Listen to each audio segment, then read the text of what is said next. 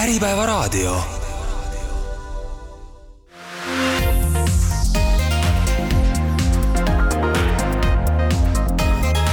Trinity eetris.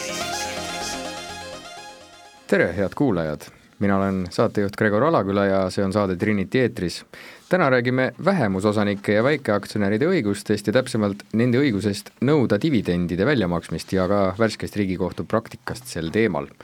väikeaktsionäride vaidlustest ettevõtete omanike ja enamusaktsionäride vahel on eelkõige Äripäevas palju uurivaid lugusid kirjutatud ja see, kuidas siis raha ja kasumit omavahel jaotada ja dividende maksta, on üsna tihti just erinevate vaidluste põhjuseks. ja sellest, millised on väikeaktsionäride õigused, kuidas sellistes vaidlustes hakkama saada, räägivad stuudios kaks külalist, Trinity advokaadibüroo advokaat ja äriõiguse töögrupi juht Martin Järve, tere! tere! ja vandeadvokaat Trinity partner ja vaidlustiimi juht Erkki Vabamets, tervist! Tervist! mainisin sissejuhatuses, et äh, Äripäeva veergudel on väikeaktsionäride vaidlustest palju kirjutatud, aga kas ka teie praktikas hakkab silma, et selliseid dividendi jaotamise vaidlusi on palju? absoluutselt, et äh, sisuliselt kõik ju need äritülid taanduvad lõpuks äh, sellele, et kõik tahavad ju ärist äh, raha saada. et tuleb see siis äh, nii-öelda väljaostmise mõttes ehk kapitali kasvu pealt või, või on just rahavoo teema ehk dividendid et noh, praktikas see dividend on oluline ka seetõttu, et noh, niisama on ju ka tore ärist raha saada, aga kui just on sellised osanike aktsionäride vaidlused, siis, siis sageli see dividend on selline survevahend, mida, mida vaidlustes kasutatakse, et kahtlemata väga, väga akuutne kas seadus piiritleb ka nii-öelda vähemus- ja väikeaktsionäride õigusi erinevalt, et kas inimesel on nüüd kolmteist või nelikümmend üheksa protsendiline osalus? noh, otseselt sellist nagu piiri ei ole, et kust hakkab pihta vähemusosanik ja kust hakkab pihta enamusosanik, aga noh, ütleme niimoodi, et enamusosanikuks saab nimetada seda, et kellel on piisav kogus hääli, et, et endale meelepärased otsused vastu võtta. ja vähemuse mõttes siis noh, võiks öelda, et vähemus on nelikümmend üheksa protsenti, on ju, et, et alla poole, aga seadus teatud niimoodi võimalustel, et kas millal saab otsuste vastuvõtmist takistada, näiteks põhikirja muutmist, erikontrollid, teabeõigus, kõik õiguskaitsevahendid, et seal näeb seadus ette nagu eripiirid, et kas on see kümme protsenti või, või üks kolmandik, et aga noh, suures plaanis on ikkagi vana hea viiskümmend üks, nelikümmend üheksa hästi, aga võtame päevakajalise teema ette, kevadel tuli üks uus Riigikohtu lahend, mis vähemusosanike õigusi täpsustas ja ka varasemat Riigikohtu otsust muutis ja üks otsustest puudutas siis seda, millal võib osaniku osaühingust kohtuotsusega välja arvata. võib-olla selgitate loogikat selle taga või kui tavapärane selline stsenaarium on, et sellist eh, muutvat otsust vaja oli? jah, eh, noh, võib-olla esimese märkusena see, et see ei olnud isegi väike Äh, osanike või väikeaktsionäride õigusi puudutav lahend, vaid isegi äh, nii-öelda enamus, enamus äh, osanike õigusi puudutav lahend, sest see väljaarvamise regulatsioon, see on tegelikult enamuse nii-öelda õiguskaitsevahend vähemuse vastu. Ja kui me räägime sellest, et kui tavapärane on, siis see on väga-väga-väga erandlik. Ja ilmselt paljud nii-öelda äris tegutsevad inimesed üldse ei teagi, et selline võimalus olemas on, sest noh, juba põhiseaduses kõik teavad, et äh, omand on puutumatu ja kellegilt ei saa nii-öelda jõuga tema omandit, olgu need siis äh, osad või aktsiad, äh, ära võtta. ja seetõttu see selline osaniku väljaarvamise regulatsioon väga, väga erandlik on ja selle teema puhul ka nagu praktikas seda, seda kohtupraktikat ja kasutust oli, oli väga vähe ilmselt ka natuke seetõttu, et, et seda praktikat äh, vähe oli, aga nüüd siis Riigikohus äh, tegi selle värske lahendi, kus siis seda teemat äh, üsna, üsna põhjalikult selgitati ja avati. Et kui võib-olla seal nendest asjaoludest rääkida, et miks see asi üldse kohtusse jõudis, siis noh, jälle meie seal kumbagi poolt ei, ei esita ja teame asjaolusi nii palju, kui kui seal põgusalt Riigikohtu lahendis oli välja toodud, aga noh, sisuliselt äh, sisuliselt sooviti seal äh, panna, panna üks äh, tootmine püsti ja, ja üks äh, osanik ja juhatuse liige väidetavalt võõrandas selle, võõranda, võõrandas selle siis endaga seotud äridesse. muidugi, see teema on palju, palju keerulisem ja ja seal neid, et kas seda võis teha, miks mitte, kas üldse oli nii, noh, keeruline vaidlus. ma ütlen vahele, et mis veel võib-olla advokaatide jaoks teeb selle loo põnevaks, on see, et see oli äh, tuntud advokaatide kõrvaläri. et osanikud olid seal advokaadid aga kui nüüd tulla selle nii-öelda, selle kohtupraktika juurde tagasi, et äh, mis seal siis juhtus, on ju, asjaolud olid, nagu nad olid, ja siis äh, need osanikud, kes tundsid, et nendele on siis tehtud nii-öelda sikku, ütleme nii, esitasid siis hagi, et see, see advokaat sellest äh, osaühingust välja arvata. ja, ja kuna see väljaarvamine on selline väga, väga erandlik meede, nagu rääkisime, on ju, sisuliselt võetakse jõuga osalus ära, siis äh, millal seda üldse saab teha? noh, selleks peab olema sisuliselt äh, kaks olukorda. üks, kui siis see osanik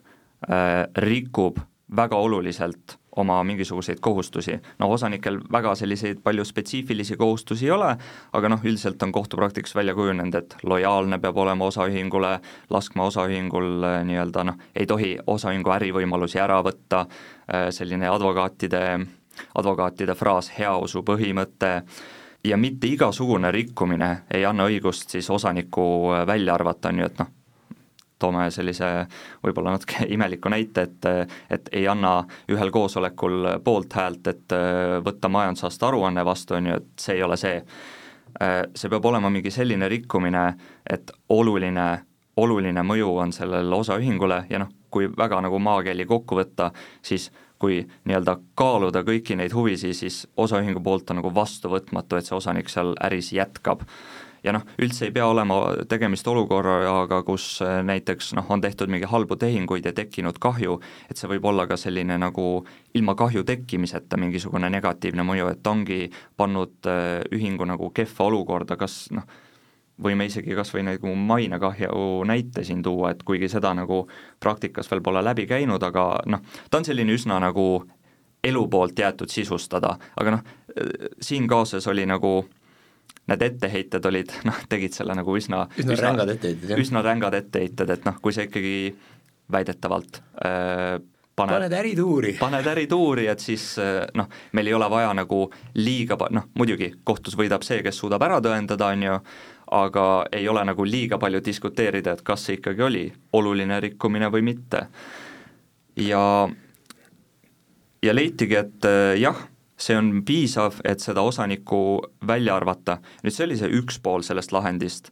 teine on selline nagu praktiline osa ja kus see nagu praktika muutus ka tuli, oli see, et eh, noh, samamoodi lähme juba põhiseaduse juurde tagasi, et omandit ei tohi jõuga ära võtta ja kui see jõuga ära võetakse, siis sa pead saama õiglase hüvitise eks jälle küsimus sellest, eks ju, et eh, kui nüüd eh, sind välja arvatakse osanike ringist, palju sa raha saad enda osa eest? palju sa raha saad? sest ega seda tasuta ära ei võeta, on ju. absoluutselt. mina lugesin just, et tuleb siis saada väljaarvamisel koheselt ja õiglaselt hüvitist maksta siis sellele väikeosanikule ja, ja just need sõnad siis annavadki, mulle tundub, eh, palju tõlgendusruumi, nagu Erki olete siin saates varasemalt öelnud, et saatan on detailides mm. absoluutselt eh, jah, jah, et kohene ja õiglane hüvitis ongi see, ongi see märksõna ja, ja kui varasemalt oli see praktika Riigikohtul see, et noh, tegelikult äh, see hüvitise summa, selle suurus, mida see väike, väike osanik siis saab, kui talt osa ära võetakse, et see ei olegi niivõrd oluline. nüüd siis Riigikohus oma praktikat äh, muutis ja, ja noh, isegi advokaatide seas on see, on see praktika nagu noh, noh, ütleme nii, et selle, selle osas saab väga-väga palju diskuteerida ja, ja vaielda, aga mida siis Riigikohus ütles? riigikohus ütles seda, et äh, kui nüüd osanik välja arvatakse, siis ta peab saama oma osaluse eest õiglase hüvitise, ehk siis me peame võtma äh, siis kogu ettevõtte nii-öelda turuväärtuse, kõigepealt peame leidma selle noh, tavaliselt kasutatakse selleks, on ju, kas äh, diskonteeritud rahavoogude meetod, mingid muud meetodid, noh kui see DCF ei, ei tööta, võrdlusmeetod, mis iganes, nii, me leiame selle ettevõtte väärtuse, kui muidu kohtupraktikas on juba noh, väga pikalt olnud see põhimõte, et äh, kuidas kujuneb vähemusosaluse väärtus, ei ole ju see, et me noh, ütleme, et on kakskümmend protsenti vähemusosalus,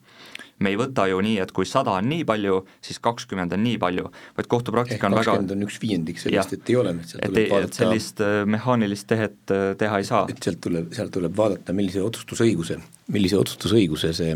osalus sulle annab.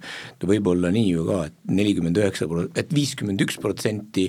osa eh, maksab miljoneid turul aga, aga nelikümmend üheksa protsenti ei maksa sinust mitte midagi, sel leia ostjat, kes ikka tuleb ja ostab ennast pingi peale varumeheks et vaadatakse, äh, milli-, millist otsustus, millise otsustusõiguse see osalus annab, aga antud lahendis meil on Riigikohus kind of muutis öö, äh, varem osa väärtuse arvutamiseks antud juhiseid ja tegi sellise matemaatilise tehte et sada protsenti on väärt nii palju, järelikult kakskümmend on sellest üks viiendik. et Riigikohtu põhjendus oligi nagu see, et, et noh, see reegel kehtib üksnes juhul, kui me nagu räägime sellest väljaarvamisest, on ju, et sult võetakse osa ära, et noh, põhjendatigi seda sellega, et jaa, et ta peab saama täieliku nii-öelda kompensatsiooni oma ja, osa kaotusest. mina küsin siin, et, et miks, miks, miks peaks selline ja nüüd ma olen hästi vaba keelekasutuses ja ma ei anna hinnangut siin selle kohtuvaidluse öö, osapooltele üldse, et miks peaks pättosanik öö, saama oma kahekümne, näiteks kahekümne protsendi osa eest rohkem raha, kui eh, ta saaks turul seda müües. et turul seda müües iga ostja vaataks, mida see kakskümmend protsenti talle ka hääleõiguse mõttes annab, on ju, otsustusõiguse mõttes, aga kui ma teen pätti, siis äh, toimuks nagu teistsugune valem, eks ju, et, et kas see on kuidagi õiglane või no, see võib tekitada ka mingeid uusi skeeme. absoluutselt, et noh, Riigikohus ütles küll keegi niimoodi, minu osa ei osta, et ja. siis teen täitti, arvatakse välja ja siis ma saan rohkem raha Ro. rohkem raha, on ju. et see on no, nagu sundmüük, et, et täna ei ole eh, Eestis võimalik ju eh, osaühingust eh, välja astuda nii, et eh, näiteks ühing või teised peavad minu osa minult ära ostma, eks, et ma olen nagu seotud ühinguga. ma pean leidma oma osale ostja väljaspoolt, aga siis tekib põhimõtteliselt selline nagu võib jah, me läheme muidugi utoopia valdkonda, oleks võimalik sellist jah, skeemi kasutada, et kuidas ma saan ühingust välja, ma oma osale ostjat ei leia turu pealt, teen pätti, nii hullu pätti, et tekib alus minu väljaarvamiseks, siis tekib kohe olukord, kus osaühing peab mulle minu osa eest raha maksma, on ju, siis ma saan rohkem raha. jah, et äh, Riigikohus nagu niimoodi üsna aateliselt ütles, et jah, et see nagu äh, hüvitis ei tohi olla karistuslik, aga noh, teistpidi et ikkagi turuhind peaks olema mm. päeva lõpuks see, et kui me lihtsalt võtame noh, sellise, toome lihtsalt väga elulise näite, on ju, et noh, ütleme, et äh, sada protsenti osade väärtus on äh, miljon ja kui näiteks hinnatakse, et äh, noh, nii-öelda tavaturu tingimustes, et palju see kakskümmend protsenti väärt on, tehakse seal vähemusosaluse allahindlused, on ju, hinnatakse kõiki asju, võib täiesti vabalt olla, et, et see kahekümne protsendi väärtus on näiteks sada tuhat, on ju, aga nüüd, äh, kui panna see Selle sellesse valemisse, on ju -hmm. siis ta oleks justkui nagu kakssada tuhat hoopis, et äh, tekib selline kas kokkuvõtlikult ma saan õigesti aru, et kuigi kogu see lahend ette võttes Riigikohus püüdis algselt olla enamusaktsionäride poolel, et eh, saab nii-öelda siis, nagu Erki mainis, pättosaniku välja arvata, eh, siis talle õiglaselt hüvitist makstes matemaatilisel meetodil, siis võetakse justkui väikeosaniku poole, et, et lähed ära, aga saad nii-öelda õiglase hüvitise. ega ei tea, kas, ähm, kas see oli tööõnnetus, et miks peaks ähm, kahel äh, eri juhul osaväärtuse välja arvutama kahel erineval meetodil et osaluse väärtus peaks ju olema ikka osaluse väärtus. turuhind. Mm, turuhind, jah. miks ühel juhul on nii ja teisel juhul naa, et mina küll ei näe selleks mingit põhjust. vähemusosanikul üldiselt ei ole ettevõttes vetoõigust ja suurte otsuste mõjutamise kaalu, aga kas siis äh, on ikkagi võimalik nõuda dividendide väljamaksmist? me ise huviga lugesime ka suhteliselt värske lahend kahekümne neljandast, Riigikohtu lahend siis kahekümne neljandast maist kaks tuhat kakskümmend kolm, ehm, selle vaidluse olustik eh, oli pisut teise fookusega, kohe ütlen mis, aga Riigikohus eh, selles vaidluses eh, käsitles läbi varasema praktika ja analüüsis üldiselt nõude, dividendide nõudeõigust, et ja, ja siis lõpuks jõudis lahendini ka. olukord muidu selles kohtuvaidluses oli, oli selline, kus korra ühel aastal oli vastu võetud dividendide jagamise otsus, siis läks, vist oli poolteist aastat mööda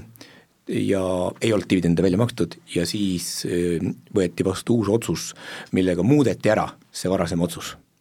ja siis üks öö, osanikest pöördus kohtusse öö, ja lihtsas keeles ütles, et öö, see äramuutev otsus ei saa kehtida sest korra on ju otsustatud dividendi maksmine, on ju, ja nüüd peab seda varasemat otsust täitma, maksku mis maksab. ja Riigikohtus kohus analüüsis erineva nurga alt kõik selle nõudeõiguse läbi ja ja lõpuks jõudis tulemusele. Aga kuidas siis on, et kas meil on või eh, põhimõtteliselt või siis otsus eh, või see vaidlus tulla sellest, et majanduskeskkond halvenes ja jah, täpselt, põhimõtteliselt nii oligi, äril hakkas minema kehvemini ja mida seal väidetigi, oligi see, et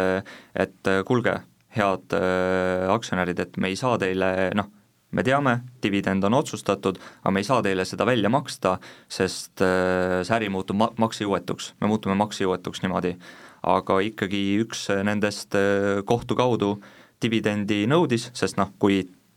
nii-öelda üldreegli järgi, kui on otsustatud dividendi maksta, siis on õigus pöörduda kohtu poole, kui seda vabatahtlikult ei tehta, ja öelda, et otsustatud, palun makske välja. ja kui siin, otsus on tehtud, polegi midagi teha. ütleme, juriidiliselt on nii, et äh, dividendide äh, maksmise, kasumi jaotamise otsus on selle nimi, eks ju. kasumi jaotamise otsusega tekib poolte vahel võlasuhe, kahe, kahe poole vahel, üks on siis see ühing ja teine on siis osanikud või aktsionärid, eks. ja selle võlasuhte täitmist saab nõuda siis osanikud ja aktsionärid saavad nõuda, et mulle nüüd peab, täitke see otsus ära ja mulle, mulle tuleb see kasum välja maksta. Selles kaasuses siin maakohus jättis hagi rahuldamata, ringkonnakohus rahuldas selle eh, osaniku eh, hagi, kes kohtusse pöördus ja ütles, et makske välja. ütles, et makske välja ja viivised sealhulgas, eks ju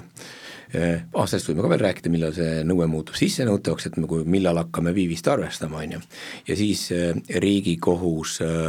tühistas ringkonnakohtu lahendi ja ütles, nii ei saa. ja siis Riigikohus selgitaski, hakkas sealt pihta, et, et milliste poolte vahel ja milline võlasuhe tekib kõigepealt selle kasumi jaotamise otsusega, siis ütles, et see osanike otsus on kehtiv, seda ei saa niisama ära muuta.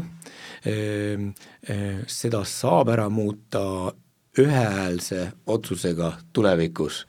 kui kõik on poolt. Ja siis veel lisas siia õigusteooriat, et kas see on äramuutev otsus või see on nõudest loobumise otsus, aga ärme sinna lähe, see läheb liiga keeruliseks, pole vahet, on ju, nagu potato potato tulemus on sama. et ühesõnaga mõte on see, et, et ei saa osanikud tulevikus eh, siis enamushäältega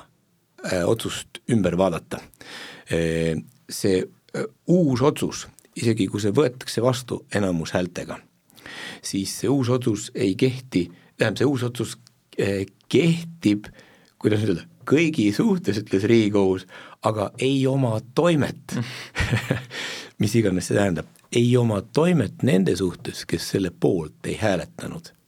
Läheb keeruliseks, eks, aga, aga jah, üldreegel, üldreegel on see, et kui kui äh, viiskümmend üks protsenti hääletab poolt, on otsus vastu võetud, seob kõiki, kehtib ka nende osas, kes äh, vastu ei hääletatud, nüüd selle kasumi jaotamise puhul ongi, ongi erisus see, et, et siin ei saa niimoodi, et kui on juba otsustatud varasematel aastatel äh, dividendi maksta, otsus on nõuetekohaselt vastu võetud, siis pärast enam seda nagu niimoodi jutumärkides viiekümne ühe protsendiga tagasi ei muuda selgitan veel kolmandat korda oma sõnadega üle, ehk siis eh, otsustatakse ühiselt ühingus, et maksame dividendi välja. Eh,, majanduskeskkond halveneb, otsustame, et eh, ei maksa, väikeosanik otsustab, et aga kuna juba otsustati alguses, et võiks ikka maksta, läheb kohtusse nõudma, siis enam kohtu kaudu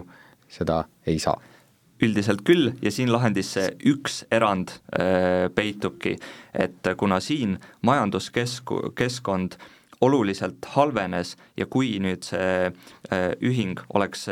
dividendi välja maksnud, siis ta ütles, et siis me muutume maksejõuetuks. ja sisuliselt Riigikohus ütleski seda, et jah, üldiselt ei saa seda enam äh, ümber vaadata, tuleb välja maksta, välja et arvatud. otsus kui selline ja, kehtib, aga seda ei pea teatud juhul täitma, ühing ei pea täitma juhul kui, nagu sa, Martin, ütlesid. jah, sest see oleks omakorda ühingut kahjustav otsus. jah, täpselt, et väga väga piiritletud alused, et sisuliselt kui seaduse järgi ei või seda väljamakset teha, on ju noh, seal omakapitali reeglid, asjad,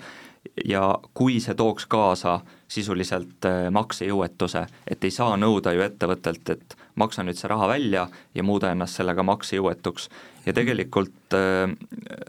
noh, moka otsast möönis ka Riigikohus seda, et isegi kui noh, toonitas üle, üle natuke selle põhimõtte, et et kui juhatus juhatus on äh, ühingus see, kes peab nagu monitoorima seda, et kas äh, ega ei ole maksejõuetust, kas kõik asjad on nii-öelda noh, ütleme maakeeli, kas kõik on korras. ja nüüd, äh, kui, kui juhatus teab, et see nii-öelda dividendi väljamaksmine teeks ühingu maksejõuetuks, siis tegelikult võib ka juhatus selle eest vastutada. et väga oluline on ka nagu juhatusel jälgida seda, et, et et ikkagi tohib neid väljamakseid teha, sest noh, ütleme niisugune mitteametlik üks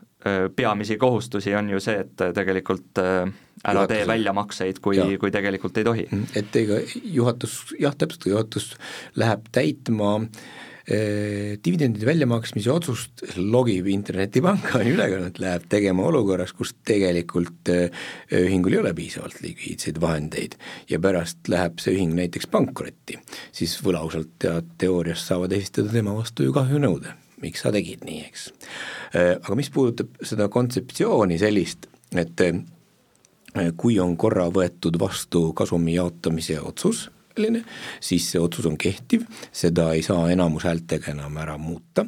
aga küll saab ühing äh, teatud juhtudel esitada ikkagi vastuväite ja keelduda väljamakse tegemisest, eks ju. ja selleks siis keeldumise mm, õigustuseks on ühingu mitte piisavalt hea varaline seis, eks. et see põhimõte tuleb sellisest üldisest heausu põhimõttest, et eh, seadus ütleb lihtsustatult umbes nii, et, et ei kokkulepet ega ka seda, mis on seadusesse kirja pandud, äh, ei pea täitma, kui äh, see on hea usu põhimõttest tulenevalt vastuvõetamatu. et antud juhul võib tuua paralleeli, et sama selline päästerõngas, et, et jah, meil on olemas küll kehtiv kokkulepe, seda peab täitma, aga antud juhul on mingi eriline olukord, mille pärast ei, ei saa nõuda täitmist. Aga võib-olla üks äh, punkt siit lahendist veel, mis nagu äh, võib-olla nagu selle väike väike osaniku või aktsionäri nagu elu natuke parandab, kas ta praktikas parandab, sest praegu on jäänud juba... mulje, et jäme ots on lõppude lõpuks ikkagi enamus osaniku käes. eks ta ongi ju ikka. noh, et lõpuks on niikuinii, on ju, aga nagu rääkisime siis, et kui on see nii-öelda maksejõuetuse oht just tol ajal ja ühing saabki öelda, et eh, ma ei pea teile dividendi või noh, ma ei saa teile dividendi välja maksta, siis, eh, siis Riigikohus ütles nagu väga sellise eh, olulise disclaimer'i, et kui on selline olukord, et on läinud kehvasti, ja noh, ütleme kaks tuhat kaheksateist ei saanudki seda dividendi välja maksta, sest noh, oht oli muutuda maksejõuetuks, siis see võib olla ajutine, kui pärast läheb jälle hästi, ei ole enam seda vastuväidet, et siis ei saa enam äh, ühing öelda, et nojah, et äh, siis, kui me tahtsime välja maksta, noh siis meil oli õigus keelduda, et noh, nüüd enam ei saa. et kui pärast läheb hästi, noh, ütleme, ma-, bilanss lubab, siis tuleb, kehtiv, tuleb välja maksta. täita, aga siin saatejuht äh, ütles minu hinnangul väga õigesti, et jäme ots on nii ehk nii enamus osaniku käes, kes eh, nimetab juhatuse ja raamatupidamises on ju võimalik ühe kandega pilt muuta hoopis teistsuguseks. Ja jah, ühing pärast peab, kõigepealt on olukord, läheb sammu tagasi, et eh, tahan näiteks kiusata väikeosanikku, kellel on võib-olla ka raha rohkem vaja kui suurel osanikul, sest tema saab nii-öelda elada ühingu rahast näiteks, nimetame nii, siis ta lihtsalt ei maksa dividendi välja, kui vahepeal on tülli mindud. ja mida, mis siis üle jääb, siis peab ju see väikeosanik kohtu poole pöörduma. jah, suurosanik või siis ühing, vabandust, aga seda kontrollib suurosanik, eh, peab kohtuvaidluses äh, äh, et tõendama neid asjaolusid, antud juhul siis seda, et oleks tekkinud väljamaksega ühingule siis ühingu finantsseisule oht, aga noh, küll ta selle võib-olla ära tõendab, jälle, sest raamatupidamine on ju tema kontrolli all. Ja, ja lõpuks lihtsalt see väikeosanik sel teel, teel väsib ära, noh. ütlen veel juurde, ja tema ei saa seda vaidlust finantseerida ka, ka ühingu vahenditest, mis tihti juhtub, et ju see suur osanik finantseerib seda vaidlust väikeosaniku vastu ühingu vahenditest sealt see nagu täiendav ebavõrdsus äh, veel, veel veel tuleb, on ju. et võib-olla Maksuamet sellega sada protsenti nõus ei ole, aga praktikas väga sageli nii on hetkeks tulen veel tagasi selle ko-, teema juurde, mida Martin mainis, et tagantjärele väljamaksmine, et kuigi siis dividendi otsus väikeaktsionäri kaebuse peale on kohtu kaudu pandud maksma, et tuleb välja maksta, juhatus ütleb, et finantsiliselt keeruline olukord või siis tõendab raamatupidamislikult ära, nagu Erki ütles, et hetkel ei maksa, aga nüüd majanduskeskkond par-, paraneb, siis see on ju taaskord juhatuse otsus, et kas või millal maksta. Päriselus küll, et ütleme, et äh, seadus ütleb, et jah, tuleb välja maksta, aga seal on jälle see, et äh, noh, ma arvan, et, et päriselus, kui sellised olukorrad tekivad ja tõesti on selline nagu vaenulik õhkkond, siis äh, küll saab jälle trikitada, aga jah, kui läheb nii-öelda paremaks ja tohiks seda väljamakset teha, tuleb välja maksta. ja Äripäev siis... saab taas kord kirjutada absoluutselt, võidavad äh, kõik peale väikeaktsionäri. alustame seda poolt sellega, et äh, milline on äh, vähemusosanike õigustega olukord mujal Euroopas, on nende õigused paremini kaitstud kui meil? riikide praktika on erinev ja eks see on lõpuks ju poliitika määrata, meil parlamendi määrata, milliseks õiguskord kujundada, on ju, kuidas seadused kirjutada. et nii palju, kui mina tean, siis, mitmes lähiriigis jaotatakse eh, osanike dividendinõuet, õigemini siis niimoodi, et, et õigust nõuda kasumi jaotamise otsuse vastuvõtmist meedias, kui Eestis on ka need debatid käinud, on nimetatud seda sunddividendi nõudeks, on ju? sunddividendi nõudeks, ta on seadusesse kirjutatud, ütleme, et näiteks Rootsis on, Rootsis ja Soomes on sarnane regulatsioon, et vähemalt eh, ühe kümnendiku aktsionäride äh, häältega on siis võimalik, äh, võimalik nõuda, kui noh, on olemas, eks ju, jaotamisele kuuluv kasum, on võimalik nõuda äh, sellest teatud osa väljamaksmist, nagu sundosa, ütleme, toome paralleeli, pärimisel on ka, on sundosa, et ei saa jätta näiteks eelmist abikaasat täiesti ilma, on ju, et tal või lapsi, või lapsi, et on, tal on sundosa, et siin on ka, et on sundosa. Saksamaal on samamoodi, Saksamaal peaks olema see vist läbi, läbi vaidlustamise õiguse kirjutatud, et eh, vastupidise, eh, kohtu kaudu saab nõuda, vaidlustada vastupidist otsust, et kui siis ei ole otsustatud kasumit jaotada, aga kasum on olemas, siis saab see aktsionär, kes tunneb, et see otsus riivab tema õigusi, saab pöörduda kohtu poole ja nõuda selle otsuse kehtetuks tunnistamist öelda siis tühisuse tuvastamist, emb-kumb, et see ei ole siin tähtis, et see otsus ei kehti peab võtma teistsuguse, teistsuguse otsuse vastu. aga, aga meil Eestis sellist võimalust ei ole ja et, et sellist, muideks on on paaril korral äh, tehtud isegi algatus, et selline võimalus seadusesse kirjutada. kui ma ei eksi, siis esimesel korral oli see aastal äh, kaks tuhat neli, kui äh, esitati parlamendile pakett äriseadustiku muudatusi ja nende hulgas nähti, kavatseti siis ka nähti ka ette, et aktsiaseltsis peab aktsionäridele välja maksma vähemalt poole summast mida võiks aktsionäride vahel mm, kasumina jaotada. kui siis äh, ja sellise otsuse sai äh, või sellise kohustuse sai välistada, kui selle poolt oli vähemalt kolm neljandikku äh, häältest, et üsna kõrge lävend ka, on ju, see oli sunddividend, aga parlament seda otsust vastu ei võtnud. Nagu alati tuuakse selleks näiteks ka, et kõik, kes Äripäev on piisavalt pikalt näiteks lugenud, on ju, teavad seda BLRT kaasust, on ju, kus ja kus sisuliselt äh, aastaid juba ei ole, ei ole dividende makstud ja ja siis noh, väidetavalt proovitakse sellega survestada siis on mm -hmm. ju mhm. väikeaktsionäre, et kasumit äh, on nagu mm -hmm aga kõvasti, aga, aga, aga, aga meil Eestis on proovitud mm, -hmm. on proovitud läbi äh,, läbi ühe, kohe ütlen, läbi mille, siis oma sellist nõuet maksma panna kohtu kaudu. Eh, kui meil eh, sunddividendi mm, sunddividendi seadus ette ei näe, eks ju, eh, ja ongi see olukord, kus on aastate jooksul ühingusse kagum-, kasumit kogunenud ja seda välja ei maksta ja noh, utreerime veel näidet, et noh, on nagu ilmselge, et see on, see on suure osaniku poolt kurnamine väikse osaniku kurnamine, et noh, mida ma siis saan teha, et nagu tekib küsimus, et ma ju peaks saama midagi teha, et ilmselgelt noh, see see ei ole nagu hea käitumine. Ja siis ongi, ongi meil kohtupraktikas ka proovitud nõue esitada sellise üldise hea usu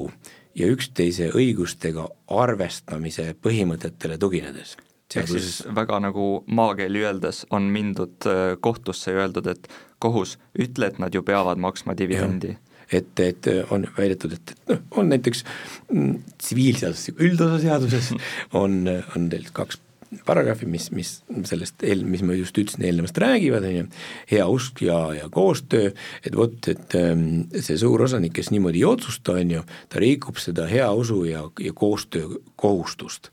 äh,. Aga need nõuded ei ole olnud edukad enne kui äh, räägime sellest lahendist täpsemalt, siis äh, ma korraks äh, täna hommikul vaatasin mälu värskenduseks mm -hmm. selle lahendi üle ja siin on kuidagi vahepeal elu annab päris head asjaolud ette, et see nagu kontekstist lihtsalt, et äh, siis äh, mida siis kohtutes nagu tuvastati, oli see, et et see ühing ei olnud aastatel kaks tuhat üks kuni kaks tuhat üksteist äh, dividendi maksnud, kuigi kasumit oli. ja mis see siis nii-öelda äh, aktsionäride otsuse nii-öelda eelnõu oli, mis nagu, mida hääletati, oli siis see, et maksta varasemate perioodide äh, ja siis konkreetse aasta puhaskasumi arvelt välja dividendi kokku summas kakssada kaheksakümmend kaheksa miljonit eurot mm -hmm.. ehk siis kümme aastat ja kakssada kaheksakümmend kaheksa miljonit eurot. ehk tulles algse küsimuse juurde tagasi, Eestis ei saa nõuda, aga Saksamaal saaks nõuda näiteks. saaks nõuda välja. no mingi osa pool, sealt saaks. pool kasumist, mis kuuluks väljamaksmisele, saaks nõuda, eks. aktsionär on oluliselt paremas olukorras kui meil mm. -hmm. aga räägime siit näiteks veel uutest põnevatest asjadest, mis äriõiguse valdkonnas toimuvad ja võib-olla ühe päevakalise teema taaskord, statistika selgus sel nädalal, et eh, vaid viiskümmend kuus protsenti ettevõtetest esitas majandusaasta aruande õigeks ajaks. ja möödunud aasta lõpus ühes Trinity eetris saates rääkisime, et nüüd käesoleval aastal eh, võib siis neid esitamata jätjaid hakata rohkem trahvima ja põhimõtteliselt siis julgemalt ka ettevõtteid registrist kustutama. mis teie prognoosite, kui praegu, kas pooled ettevõtted kustutatakse peagiregistrist või mitte? ei, kindlasti, kindlasti mitte kindlasti mitte pooled vähemalt, on ju, et tegelikult see kustutamise ja trahvimise võimalus oli olemas ka varem ja täiesti seda registri poolt tehti ka, juhatuse liikmed said trahvi, mõned ühingud läksid nii-öelda noh, ütleme siis Äh, äriühingu surnuaeda on ju, kustutati registrist ära. Äh, nüüd selle uue muudatusega lihtsalt natukene, natukene lihtsustati seda äh, kustutamise nii-öelda menetlust ja regulatsiooni, aga noh, nagu sa ise välja tõid ka, et et ega see ei ole nagu selles mõttes uus statistika et, et viiskümmend kuus protsenti on esitama, esitamata, et igal aastal, kui tuleb see juunikuu, majandusaasta aruande esitamise kuu, on ju, siis on, on alati artikleid selle kohta, et ja noh, ma nüüd peast ei mäleta, mis need protsendid varasematel aastatel olnud, aga noh, alati on see selline suur, on ju, ja siis öeldakse, et aga mis toimub, kuidas nii äh, ja noh, tegelikult varem oli, oli täpselt sama olukord ja noh, neid ühinguid on nii palju, kellel on äh, need aruanded esitamata, et noh, puht lihtsalt füüsiliselt ja eluliselt äh, register ei jõua nendega kõigiga tegeleda, et et see natuke on niisugune nagu lototron, et kes selle, kes selle saab. ma arvan, et nendest pooled, kes siis ei ole esitanud, nendest pooled, teatud osa loodabki, et äriregister nad ära kustutab.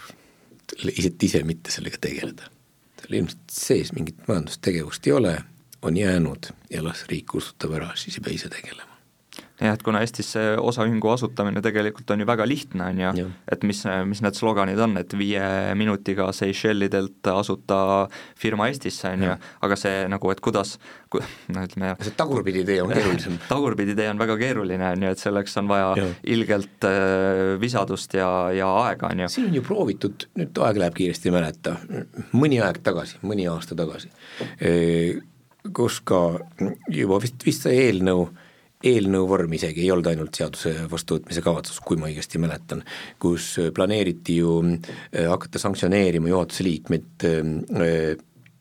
kellel, kel, et nad, läbi selle, et nad ei saagi olla juhatuse liikmed kui, kui näiteks mõnes teises ühingus, kui sa oled juhatuse liige mitmes ühingus ja ühes teises ühingus on aruanne esitamata, on ju, et siis sa ei saa olla äh, ühingus A on aruanne esitamata, siis sa ei saa olla ka ühingus B juhatuse liige, on ju, ja nii edasi, aga jälle, see ei saanud seaduseks. aga kui me tuleme ta korraks tagasi selle muudatuse juurde, et võib-olla see muudatus nagu noh, üks osa on see, et muudeti natuke seda protsessi, on ju, kuidas, kuidas register saab ja mida ta nagu tohib teha, tehti natuke lihtsamaks seda ja selgemaks ka, siis teine teema on see, et et noh,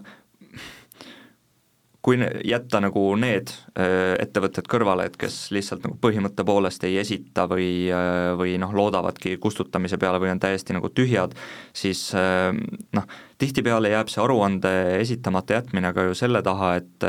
et kuidas aruannet kinnitatakse, selle peavad kinnitama osanikud, on ju, või aktsionäride üldkoosolek, aga kui seda ei ole kinnitatud,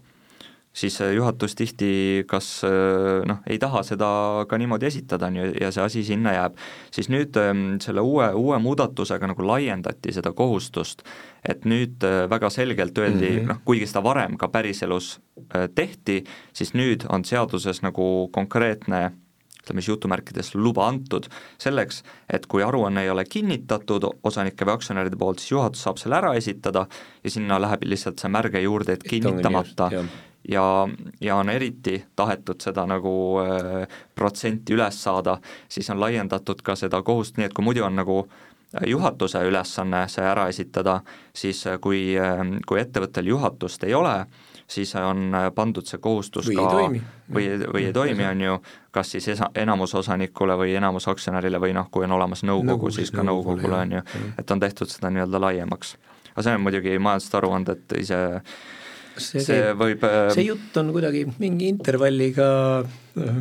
kogu aeg, et kuidas me saame äh, Eesti ärimaastikul nende majandusaasta aruannete esitamisega asjad korda. et võib-olla see küsimus nagu natuke filosoofiliseks Mm. minna ei ole mitte see, et kuidas me saame veel rohkem sundida, nii et see protsent läheks ülesse või äkki, äkki on hoopis lahendus see, et see nagu, et on selline äriõiguse anekdoot ka, et, et Eestis äriõiguse fundamentaalne asi on majanduste aruanne, et see on nagu A ja O ja see on kõige tähtsam asi meil Eestis üldse mm. -hmm. et noh, võib-olla on see teema kuskil seal. tõenäoliselt tuleb eh, sellest siis ka tulevastes saadetes juttu, aga veel päevakajalist äriõiguse valdkonnas, mis on uut ja põnevat ja milliseid seadusemuudatusi siis järgmisel aastal oodata? meil on käesoleval aastal äh, toimunud mitmeid muudatusi ja meil seisab veel ees. Üks näiteks, ah võib-olla üks tehniline, tehniline pool, juba ammu-ammu on võimalik, eks ju, meil äriühingut asutada ju internetis, äriregistri portaalis ja äh, see portaal genereerib ka põhikirja ühingule. Valid paar lünka, on ju, sealt ja siis tuleb menüüd on ju täidad ära, aga ma ei tea, miks, mina ei ole leidnud ka kuskilt ühestki sealt seletuskirjast ähm, selgitust, et miks see nii oli, aga, aga selle äriregistri poolt pakutavas põhikirjas olid puudu mitmed päriselus äh, vajalikud sellised äh, tehnilised võimalused, üks näiteks oli ülekurss. Et äh, sai maksta kapitali sisse ainult nimiväärtusega, ma ei saanud oma osa eest tasuda rohkem raha, eks ju, et jääks ka ühingule vaba rahana, on ju. ma ei saanud äh, asutada seal portaalis mm, mitterahalise sissemaksega, sai ainult rahalise sissemaksega. Äh, ja võib-olla kolmandaks, mis mulle tundus, et oli tõesti niimoodi tehniline apsakas lihtsalt, et keegi, kes seda tegi tehnilist poolt, ei mõelnud selle peale. kui meil võib olla põhikirjas eh, kapital eh, määratud kahel viisil, kas kindla summana, näiteks kaks tuhat viissada eurot ja punkt,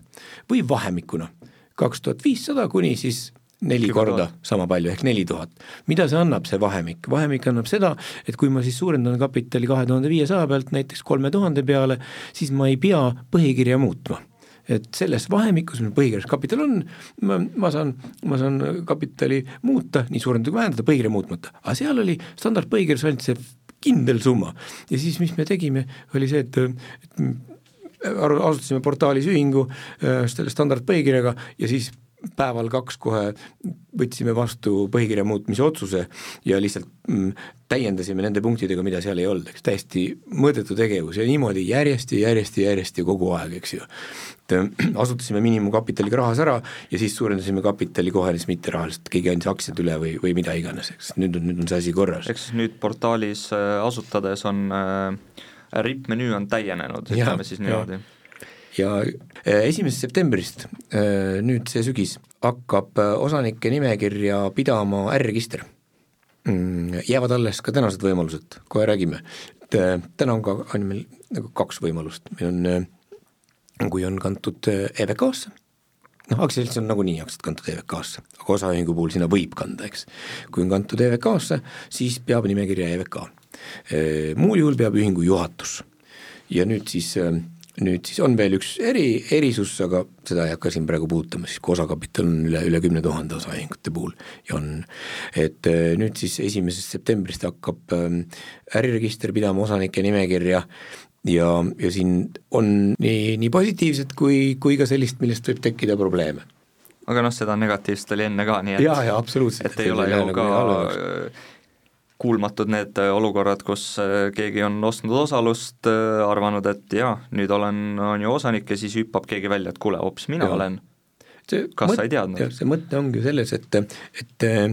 äriregister muutuks osanike suh-, osanike mõttes selliseks, nagu on kinnistusraamat kinnistute suhtes, on ju. et ma, ma tean, kellele kinnistu kuulub, ma tean, kelle osa kuulub, et nagu tugev register, ma võin seda usaldada, minul tekib heauskne omand kui ma ostan sellelt osanikult, kes on äriregistri osanikuna märgitud. aga kuna äh, äriregister ei tee siin sellist restarti, et nüüd kõik Eesti ühingud, esitage mulle palun äh, osanike nimekiri uuesti notari juures kinnitatud või midagi taolist, siis kui see täna, see osanike nimekiri on äriregistris ebaõige, näiteks on abikaasade ühisvara see osa, aga äriregistri või siis osanike nimekiri on kantud ainult ük, üks abikaasa, siis ju ongi juba vale. kui ma omandan öö, selle osa siis vastavalt ainult kas mehelt või naiselt, siis see tehing ei ole kehtiv. sest mul ei olnud teist, teist abikaasat seal, eks ju, kes ühisvara müüs. siis need äriregistri andmed saavad olema, ajaloolised andmed saavad olema, võivad olla valed ja on antud, siis antakse ühingutele või nende osanikele aasta aega selline hõljumise aeg siis paranduste esitamiseks. et mina osanikuna vaatan näiteks, et äriregistri osanikuna sisse kantud ainult minu abikaasa, aga see osa on ju meie ühisvara, mina peaks ka olema, siis ma saan sinna teate esitada. noh, tahaks näha, kui paljud inimesed siis hakkavad seda portaali seal külastama aasta jooksul, et tead, teateid sinna esitama, et on valel saade hakkab lõppema, enne veel, kui läheme soovituste ringi juurde, tuleme rubriigi juurde, mille me oleme hiljuti siia saarja sisse toonud, kurioosumi rubriik ja võib-olla tänase saate teema valguses siis, mis on teie kõige kummalisem ärivaidlus olnud, millele olete olnud ise osaline või siis kõrvalt kuulnud, näinud? kõige kummalisem ärivaidlus? see on muidugi hea, et äh, niimoodi äh, koha peal kohe peab aastate pikkuse praktika pinnalt mäluregistrist läbi, läbi vaidlus, jah. vaidlustiimi juht ja äriõiguse töögrupi juht. ei no raske valida, raske valida, millist äh,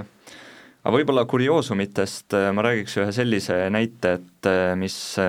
seondub mis seondub, noh, just rääkisime, on ju, heauskne omandamine, aga mis seondub kinnisvaraga. Juhtus üks selline asi, et üks kinnisvaraettevõte kellel oli, ähm, kellel oli siis äh, Tallinnas, äh, kuulus neile suur ärihoone, mitmeid üürnikke oli, oli seal ja ja siis üks päev uh, ma tean, millest sa räägid, väga hea. ja üks päev siis ankurüürnik